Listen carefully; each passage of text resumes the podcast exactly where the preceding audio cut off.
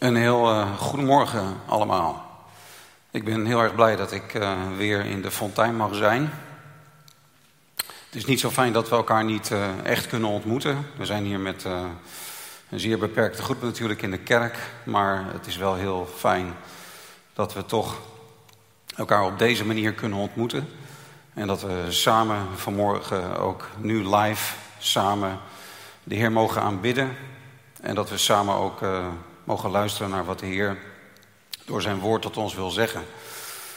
En um, vanmorgen willen we nadenken over Handelingen 1. Dat is natuurlijk een gedeelte dat past bij de tijd waar we nu in zitten. Tussen hemelvaart, afgelopen donderdag was het hemelvaartsdag en Pinksteren. Volgend weekend is het het Pinksterweekend.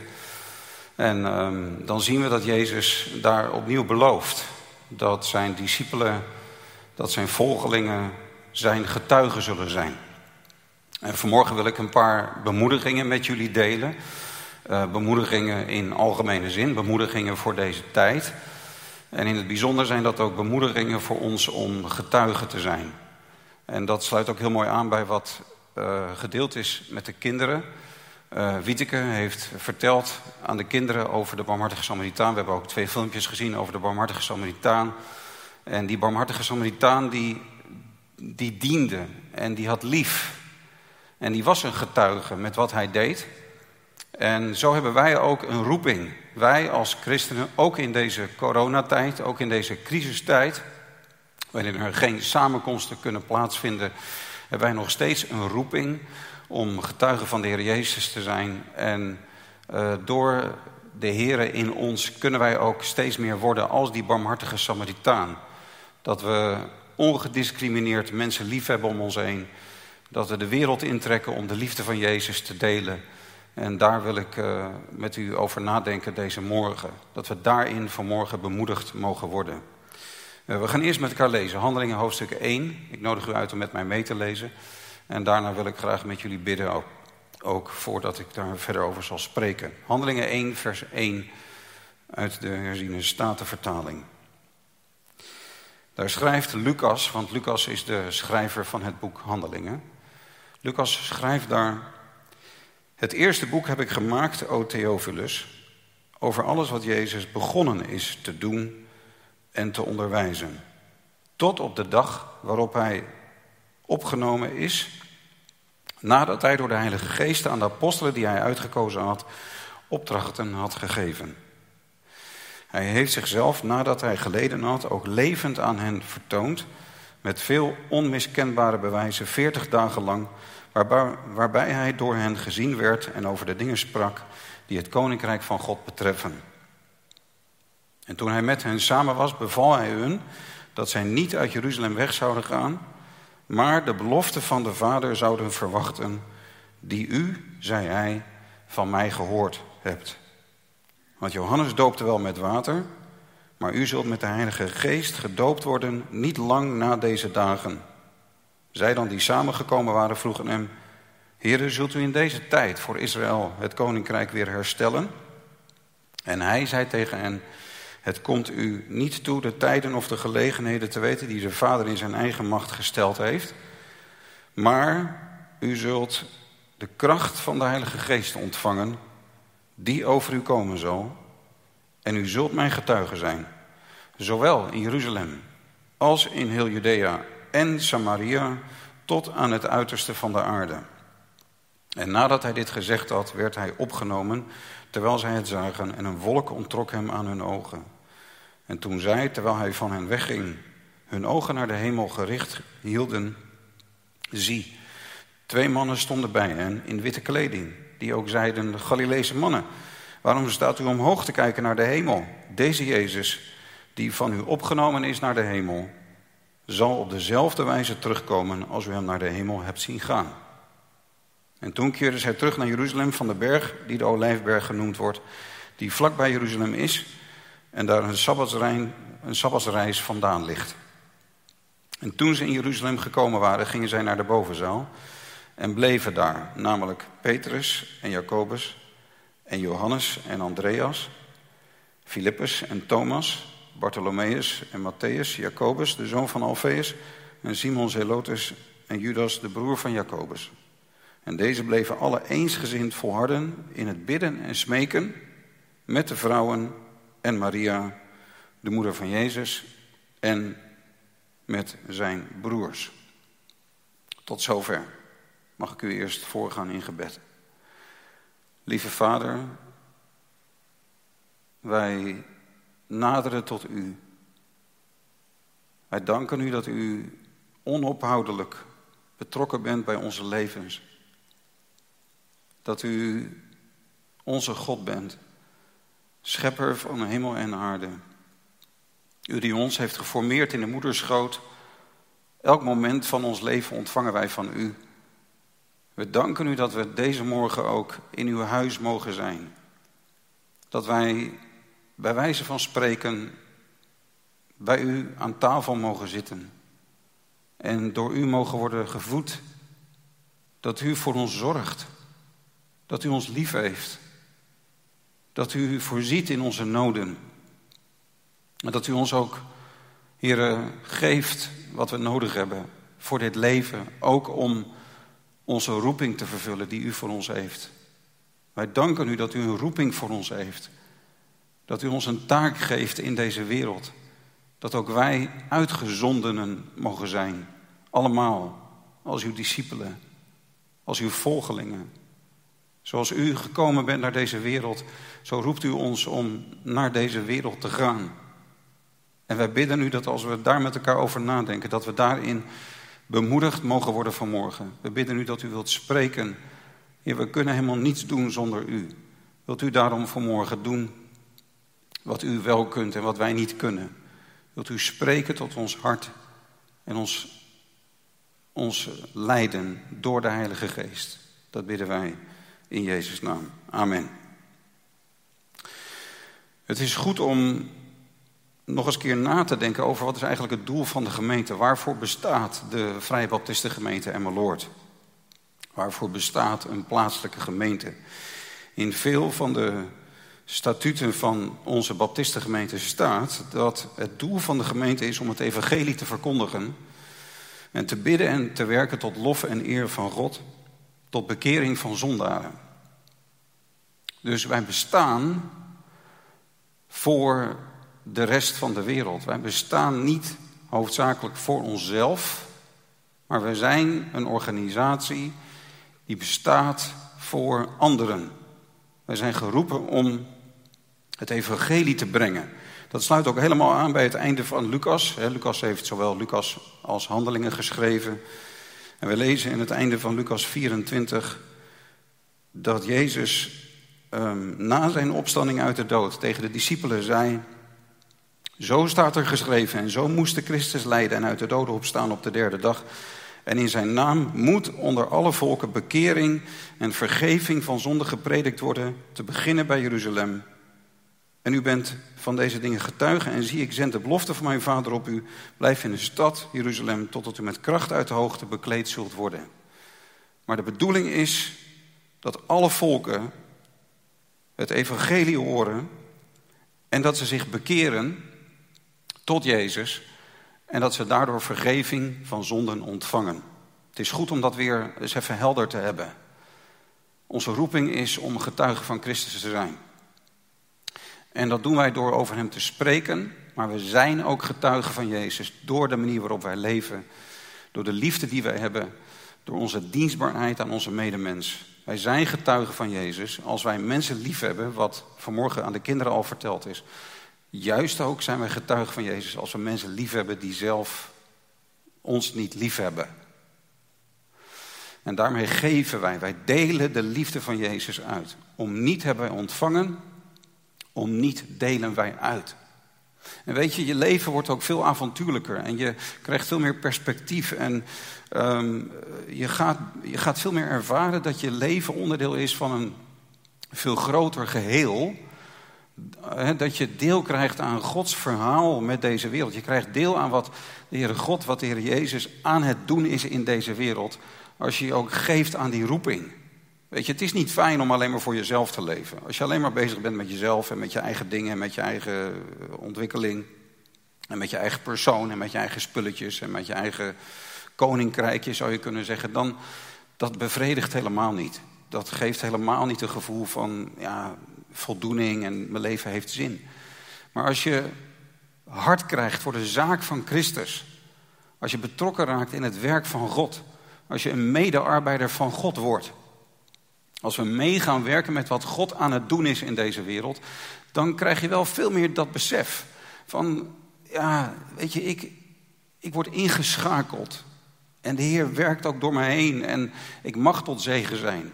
Het is, weet je, het is gewoon zo'n, zo fijn, zo goed om tot zegen te zijn voor anderen. Dat je kan uitdelen. Het is zaliger te geven dan te ontvangen. En daar denken we vanmorgen met elkaar over na. Dat is de roeping van deze gemeente. Dat is de roeping van iedere discipel van Jezus. Zoals Jezus gegaan is, gekomen is, een wereld in nood heeft opgezocht. Zo zijn wij geroepen een wereld in nood op te zoeken. Je kan het vergelijken met het verschil tussen de Dode Zee, ik vind dat een prachtig beeld, en de, het meer van Galilea. In Israël heb je twee grote meren. Het meer van Galilea, daar stroomt water in en er stroomt water uit. En het is vol met leven. Maar de Dode Zee, daar stroomt alleen maar water in. En het Dode Zee geeft niet weg. Er is geen uitgang bij de Dode Zee. En het is zo dood als wat. En dat is een beeld voor ons. Dat als we gaan geven, als we onszelf gaan geven, als we gaan dienen, als we gaan uitdelen, dan komt er leven, dan worden we levend. En, ehm, en ik wil een paar dingen noemen die ons daarin bemoedigen. Uit Handelingen 1. Wat bemoedigt ons om op deze wijze een discipel van Jezus te zijn? Wat helpt ons om dat besef van roeping te hebben? Daar heb ik het eigenlijk over vanmorgen. Dat we, dat we sterk roepingsbesef hebben. Hoe oud je ook bent. Dat is niet alleen als je in de twintig bent of een tiener bent, als je jong en idealistisch bent. Maar ook als je in de, in de 40 of in de 50 bent. Ik ben in de 50, of in de 60 of in de 70, of als je zelfs boven de 100 bent.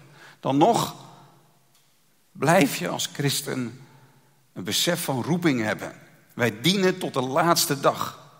We gaan niet met pensioen ten aanzien van het werk van de Heer. Wij blijven geroepenen en uitgezondenen. En dat is zo heerlijk om in zo'n leven te staan. Wat moedigt ons daartoe aan? Het eerste is dit. Jezus leeft. Hij is niet dood. Hij heeft alle macht. En hij gaat volop door met zijn bediening. Dat is wat het eerste vers van Handelingen impliceert. Lucas die zegt, mijn eerste boek, Theophilus, heb ik geschreven over wat Jezus begonnen is te doen en te leren. En dat impliceert dat hij zijn tweede boek schrijft over alles wat Jezus daarna verder is gaan doen en leren. Dus het eerste boek, het is niet zo dat het eerste boek gaat over het leven van Jezus en het tweede boek gaat over het leven van de kerk of het leven van de apostelen. Nee, het eerste boek gaat over het leven van Jezus toen hij op aarde was. En het tweede boek gaat over het leven van Jezus vanuit zijn hemelse positie. Zijn werk en zijn doen en zijn onderwijzen vanuit zijn hemelse heerlijkheid. Het eerste gaat over zijn aardse bediening. Het tweede gaat over zijn hemelse bediening. Die hij voortzet door zijn lichaam op aarde. Dus het is Jezus die werkt. Jezus werkt. Dat is de reden dat deze gemeente bestaat. Dat is de reden dat, dat deze belofte van Handelingen 1, vers 8. Jullie zullen mijn getuigen zijn, niet alleen voor de Joden in Judea en in Jeruzalem en Judea. Niet alleen voor de Samaritanen, zelfs voor die Samaritanen, wat ook een hele stap verder was natuurlijk. Maar zelfs voor de heidevolken tot aan de uiterste der aarde. Nou, die belofte is vandaag de dag meer dan ooit waar geworden. We kunnen ook de betrouwbaarheid van Jezus' woorden, de betrouwbaarheid van de Bijbel zien. In waar we vanmorgen bij stilstaan. Want meer dan ooit zijn de volgelingen van Jezus getuigen van Hem over de hele wereld. En dat is een bewijs dat Jezus Christus leeft en werkt en zijn woord waarmaakt. Zijn woorden falen niet. Zijn beloften falen niet. En ehm, dat is uiterst betekenisvol. Oprichters van godsdiensten. Uh, ik zou Jezus niet een oprichter van een godsdienst willen noemen. Daarmee doen we hem veel te veel tekort. Maar als we denken aan andere oprichters van godsdiensten.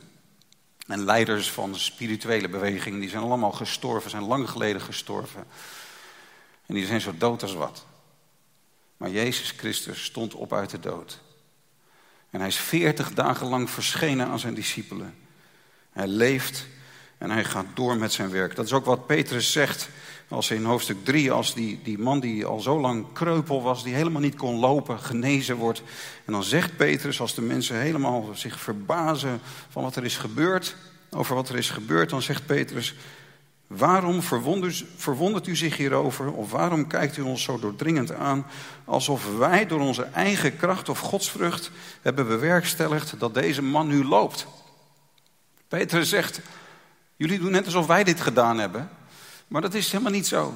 Dat hebben wij niet gedaan. Nee, God heeft zijn zoon Jezus verheerlijkt. En hij heeft dit gedaan. Hij gaat verder met zijn wonderbaarlijke werken. Hij gaat verder met zijn liefdevolle daden voor de mensen. Hij gaat verder met zijn genezingen. En mensen bleven ook na Jezus' aardse bediening opgewekt worden uit de dood. Er bleven wonderen gebeuren. De kracht van Jezus was aanwezig in de vroege gemeente en is tot op de dag vandaag aanwezig in de gemeente van Jezus. Hij werkt. En zo zegt Paulus het ook in, eh, in 1 Korinthe hoofdstuk 3. Als hij het heeft over de gemeente, dan zegt hij: Wie is Paulus dan? Of wie is Apollos? Anders dan dienaren tot wie u tot geloof bent gekomen. Eh, ik heb geplant, Apollos heeft begoten, maar God heeft laten groeien. God is aan het werk. Dus niet die hij die plant is iets, nog hij die begiet, maar God die laat groeien. Paulus zegt, wij zijn helemaal niets. Wij zijn niets. We moeten niet doen aan persoonsverheerlijking in de gemeente van Jezus Christus. We moeten niet een soort mensen op een voetstuk zetten. Dat is onzin. We zijn allemaal uiterst zwak. Maar Christus werkt. En hem komt daarom alle eer toe. En hij gaat onverminderd door. En nogmaals, wij mogen met hem meewerken. Dat is de eerste aanmoediging, de eerste bemoediging. Dus als je aan Jezus geeft, dan geef je je aan degene die machtig werkt. Je geeft je aan degene die machtig lief heeft. Die geweldig bewogen is met een wereld in nood. Je geeft je aan degene die leidt en die toerust en die kracht geeft. En daarom is het zo heerlijk om je aan je roeping en je bediening te geven. Ieder van ons, niet alleen de zendelingen, zoals, zoals ik, zoals alle andere zendelingen, niet alleen de dominees, de voorgangers. Het is onzin om een onderscheid te maken tussen geestelijken en leken. Dat doen we niet, zeker niet in baptistengemeenten. We zijn allemaal geroepen. En we werken met elkaar samen als leden in een lichaam. Ieder zijn eigen plek.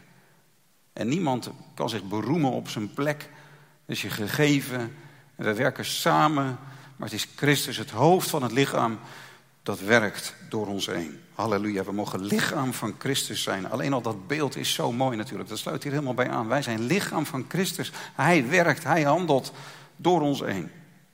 Het tweede is, de tweede bemoediging is, Jezus doopt met de Heilige Geest. Jullie zullen kracht ontvangen wanneer de Heilige Geest over jullie komt. En jullie zullen mijn getuigen zijn. Heerlijk, dat vers. U zult de kracht van de Heilige Geest ontvangen. Lucas 24, totdat u met kracht uit de hoogte bekleed zult worden. We ontvangen kracht. Jan die citeerde al Jezaja 40. Zij die de Heer verwachten, een put een nieuwe kracht. Dat mag ons bemoedigen vanmorgen, ook in deze crisistijd. Misschien raak je wel eens ontmoedigd. Ik vind het zelf ook echt moeilijk dat we niet bij elkaar kunnen komen. Ik ben gewend aan heel veel samenkomsten. Ik heb normaal vijf samenkomsten in de week. Ik reis het hele land door. En nu is dat sterk verminderd. Ik ben ontzettend blij met dit soort livestreams. Maar ik mis het. Ik vond het heerlijk om net samen met de muzici te zingen. Maar weet je, het is echt wel een, ja, een prijs die we betalen om dit virus in te dammen. Dat we niet bij elkaar kunnen komen. Maar de Heer regeert. Iemand schreef niet het virus regeert, maar Christus regeert. En ook nu, worden wij bekleed met kracht, met de kracht van de geest, om zijn getuige te zijn. En God gebruikt ons. En er gebeuren ook heel mooie dingen. Soms hebben wij door livestreams bijvoorbeeld een veel groter bereik dan anders. Dat merk ik ook. Op uh, verschillende momenten heb ik dat gezien. Ik heb één keer een spreekbeurt uh, verzorgd waar zoveel mensen naar keken dat ik dacht, daar zou ik een jaar lang elke week een avond voor op pad moeten om zoveel mensen te bereiken. Nu in één keer zoveel mensen bereikt met één livestream. Weet je, dus God gebruikt het ook. En dat is een voorbeeld uit mijn leven, maar ook in jouw leven gebeuren er bijzondere dingen in deze tijd.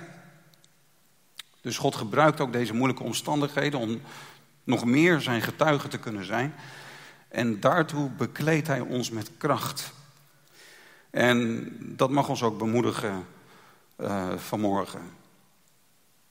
Weet je, soms dan kunnen we ook ontmoedigd en onzeker raken als we over onszelf nadenken. Weet je, we worstelen allemaal wel met onszelf. We stellen onszelf teleur. We zitten soms niet zo lekker in ons vel. We hebben soms verdriet over dingen die gebeuren. We voelen ons soms bedreigd door dit leven. Soms dan voelen we ons bang.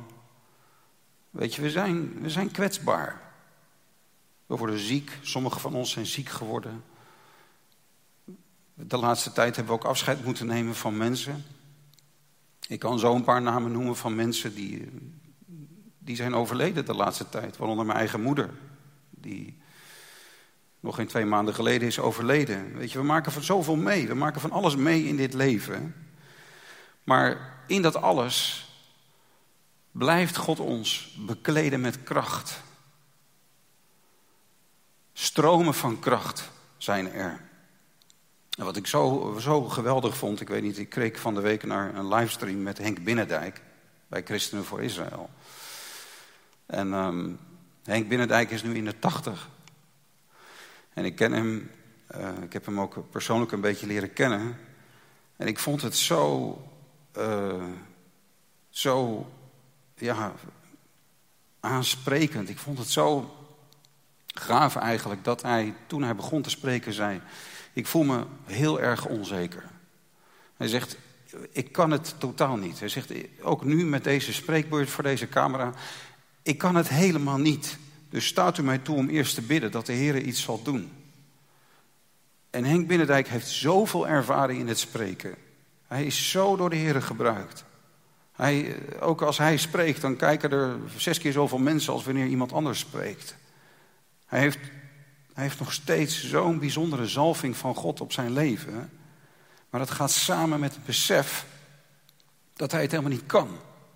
Hij heeft niet zoiets van, nou, ik heb het al zo vaak gedaan, ik zal het wel even doen. Maar hij staat daar in volkomen afhankelijkheid. En in grote onzekerheid. Zelfs na al die vele duizenden, duizenden, tienduizenden spreekbeurten die hij heeft gehouden. Zegt hij, ik voel me zeer onzeker. Maar is de kracht van de Heilige Geest. Dus als jij je onzeker voelt, als jij denkt, dit kan ik helemaal niet, misschien ben je dan wel in de goede positie. Misschien heb je dan wel de juiste hartsgesteldheid. Want dan kan God het doen. En dat is ook mijn persoonlijke ervaring. Dat juist als er iets gebeurt waardoor ik me kwetsbaar voel, waardoor ik me, waardoor ik me onzeker voel, waardoor ik denk, hoe moet dit ooit, sorry, hoe moet dit ooit goed komen? Juist dan merk ik dat er iets bijzonders van de Heer gebeurt. En uh, iemand heeft wel eens gezegd: al Gods helden zijn zwakkelingen geweest. Het eerste is: Jezus leeft. En het tweede is: Jezus doopt met de Heilige Geest. En het derde en laatste waar ik nog heel kort iets over wil zeggen is: Jezus gaat terugkomen. Het koninkrijk gaat komen. Hij is de koning der koningen. Hij heeft inderdaad alle macht in de hemel en op de aarde. En God werkt in de geschiedenis tot op de dag van vandaag. Hij is de God van de geschiedenis. Hij handelt door zijn gemeente, het lichaam van Christus, breidt zich uit over de hele aarde. Er zijn meer christenen dan ooit, as we speak, vandaag de dag. Het evangelie wordt gepredikt aan alle volkeren, tot aan de uiterste der aarde. Alle volkeren zullen bereikt worden. Alle volkeren zullen het horen en dan zal het einde komen. En God is bezig Israël te herstellen. Israël komt ook aan bod in Handelingen 1. wanneer zult u het koninkrijk van Israël herstellen? Wij leven in de tijd van het herstel van Israël. Dus in dat alles zien wij dat de Heer regeert. Christus regeert. Hij is de komende koning. En we zien al als het ware de voorboden. We zien al de tekenen van de tijd. We zien al dat zijn koninkrijk spoedig gaat komen. We zien al dat profetieën in vervulling gaan. We horen als het ware al het ritselen van de bladeren. Het begin van een machtige wind die zal gaan waaien. We horen al, we, zien al, de, weet je wel, die, die eerste aankondigingen van die late regen die gaat vallen. Een grote opwekking die gaat aanbreken. Ook als Israël tot bekering zal gaan komen. En er een vrederijk ook zal gaan aanbreken. Christus zal terugkomen. Hij zal de koning van de gerechtigheid zijn. Melchizedek, de koning van de gerechtigheid zal hij zijn op deze aarde. Zijn voeten zullen staan op de olijfberg. Jeruzalem zal inderdaad de stad van de vrede worden. En de volkeren zullen de oorlog dan niet meer leren. En zo zijn er zoveel profetieën die nog in vervulling zullen gaan. En dat is voor ons de derde bemoediging van deze morgen. Het loopt God niet uit de hand. De Heer regeert. Hij is soeverein. Dat is een centraal thema in de hele Bijbel. En daarom hoeven we niet bang te zijn. Ook niet als er een virus rondwaart. Ook niet als we zelf in moeilijke omstandigheden komen. Zelfs niet als we gaan sterven. We hoeven niet bang te zijn. Want Jezus leeft. Hij is koning. Hij regeert. Wij zijn zijn lichaam. Wij zullen met hem regeren. Wij zijn nu al met hem meer dan overwinnaars. En daarom hoeven we niet naar de hemel te staren op een passieve manier, zoals de discipelen naar de hemel aan het staren waren. Maar die, die mannen, die, of die, uh, die engelen zeiden tegen de discipelen, waarom kijken jullie omhoog? De Heer Jezus zal terugkomen op dezelfde wijze. En totdat hij terugkomt, moeten jullie niet gaan staren. Je moet niet naar de hemel staren, je moet niet navel staren. Je moet niet uh, alleen maar uh, beschouwen. Nee, je moet gewoon gaan. Trek de wereld in.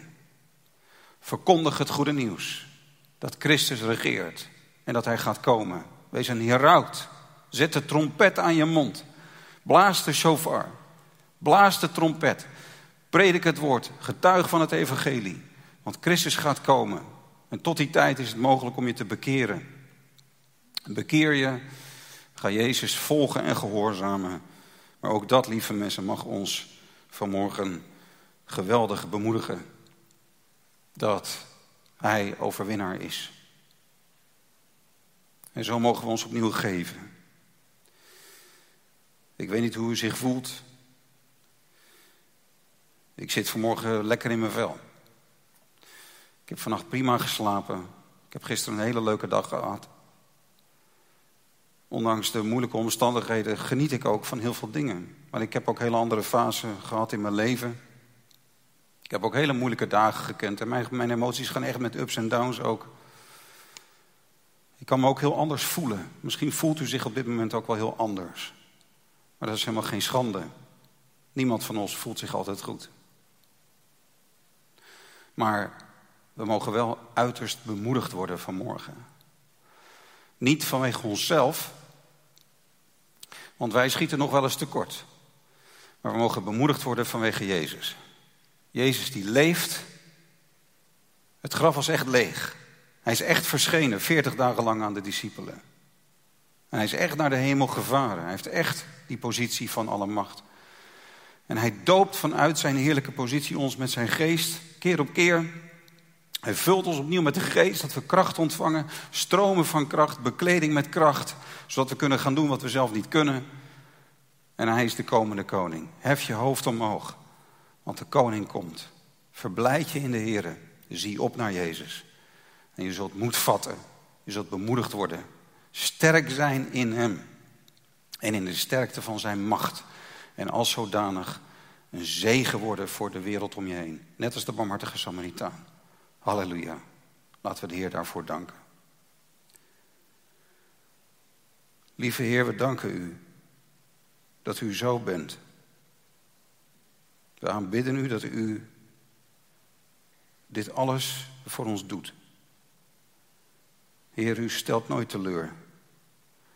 Uw overwinning is zo glorieus. Het offer dat u bracht is zo genoeg. Er is zoveel kracht In het feit dat u uw leven voor ons heeft neergelegd. Maar ook dat u opstond uit de dood. We aanbidden u, Heer Jezus, als onze koning. De koning der Joden.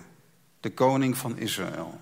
Maar ook de koning der volkeren. De koning van deze wereld. Hoofd van de gemeente. Zoon van David, zoon des mensen. Zoon van God. We buigen voor u neer. We knielen voor u neer. We geven ons leven aan u. En we willen tegen u zeggen dat het een, een waar voorrecht is, dat het een zeer groot voorrecht is om bij u te mogen horen, om aan u, Heer Jezus, verbonden te mogen zijn als lid van uw lichaam. Wat een voorrecht dat we daarom ons hoofd omhoog kunnen heffen, ook vanmorgen. In de zin van dat we vol moed en blijdschap en verwachting in het leven kunnen staan. Geprezen zij uw wonderbaarlijke naam. Gebruik ons, Heer, als instrument in uw hand. Geef dat ook deze gemeente maar het evangelie zal prediken. Dichtbij en ver weg. Geef dat ook deze gemeente mag werken en arbeiden. Tot eer van u. Opdat zondaars tot bekering komen. Velen tot zaligmakend geloof in Jezus mogen komen. Dank u wel dat u dat doet. Halleluja. Amen.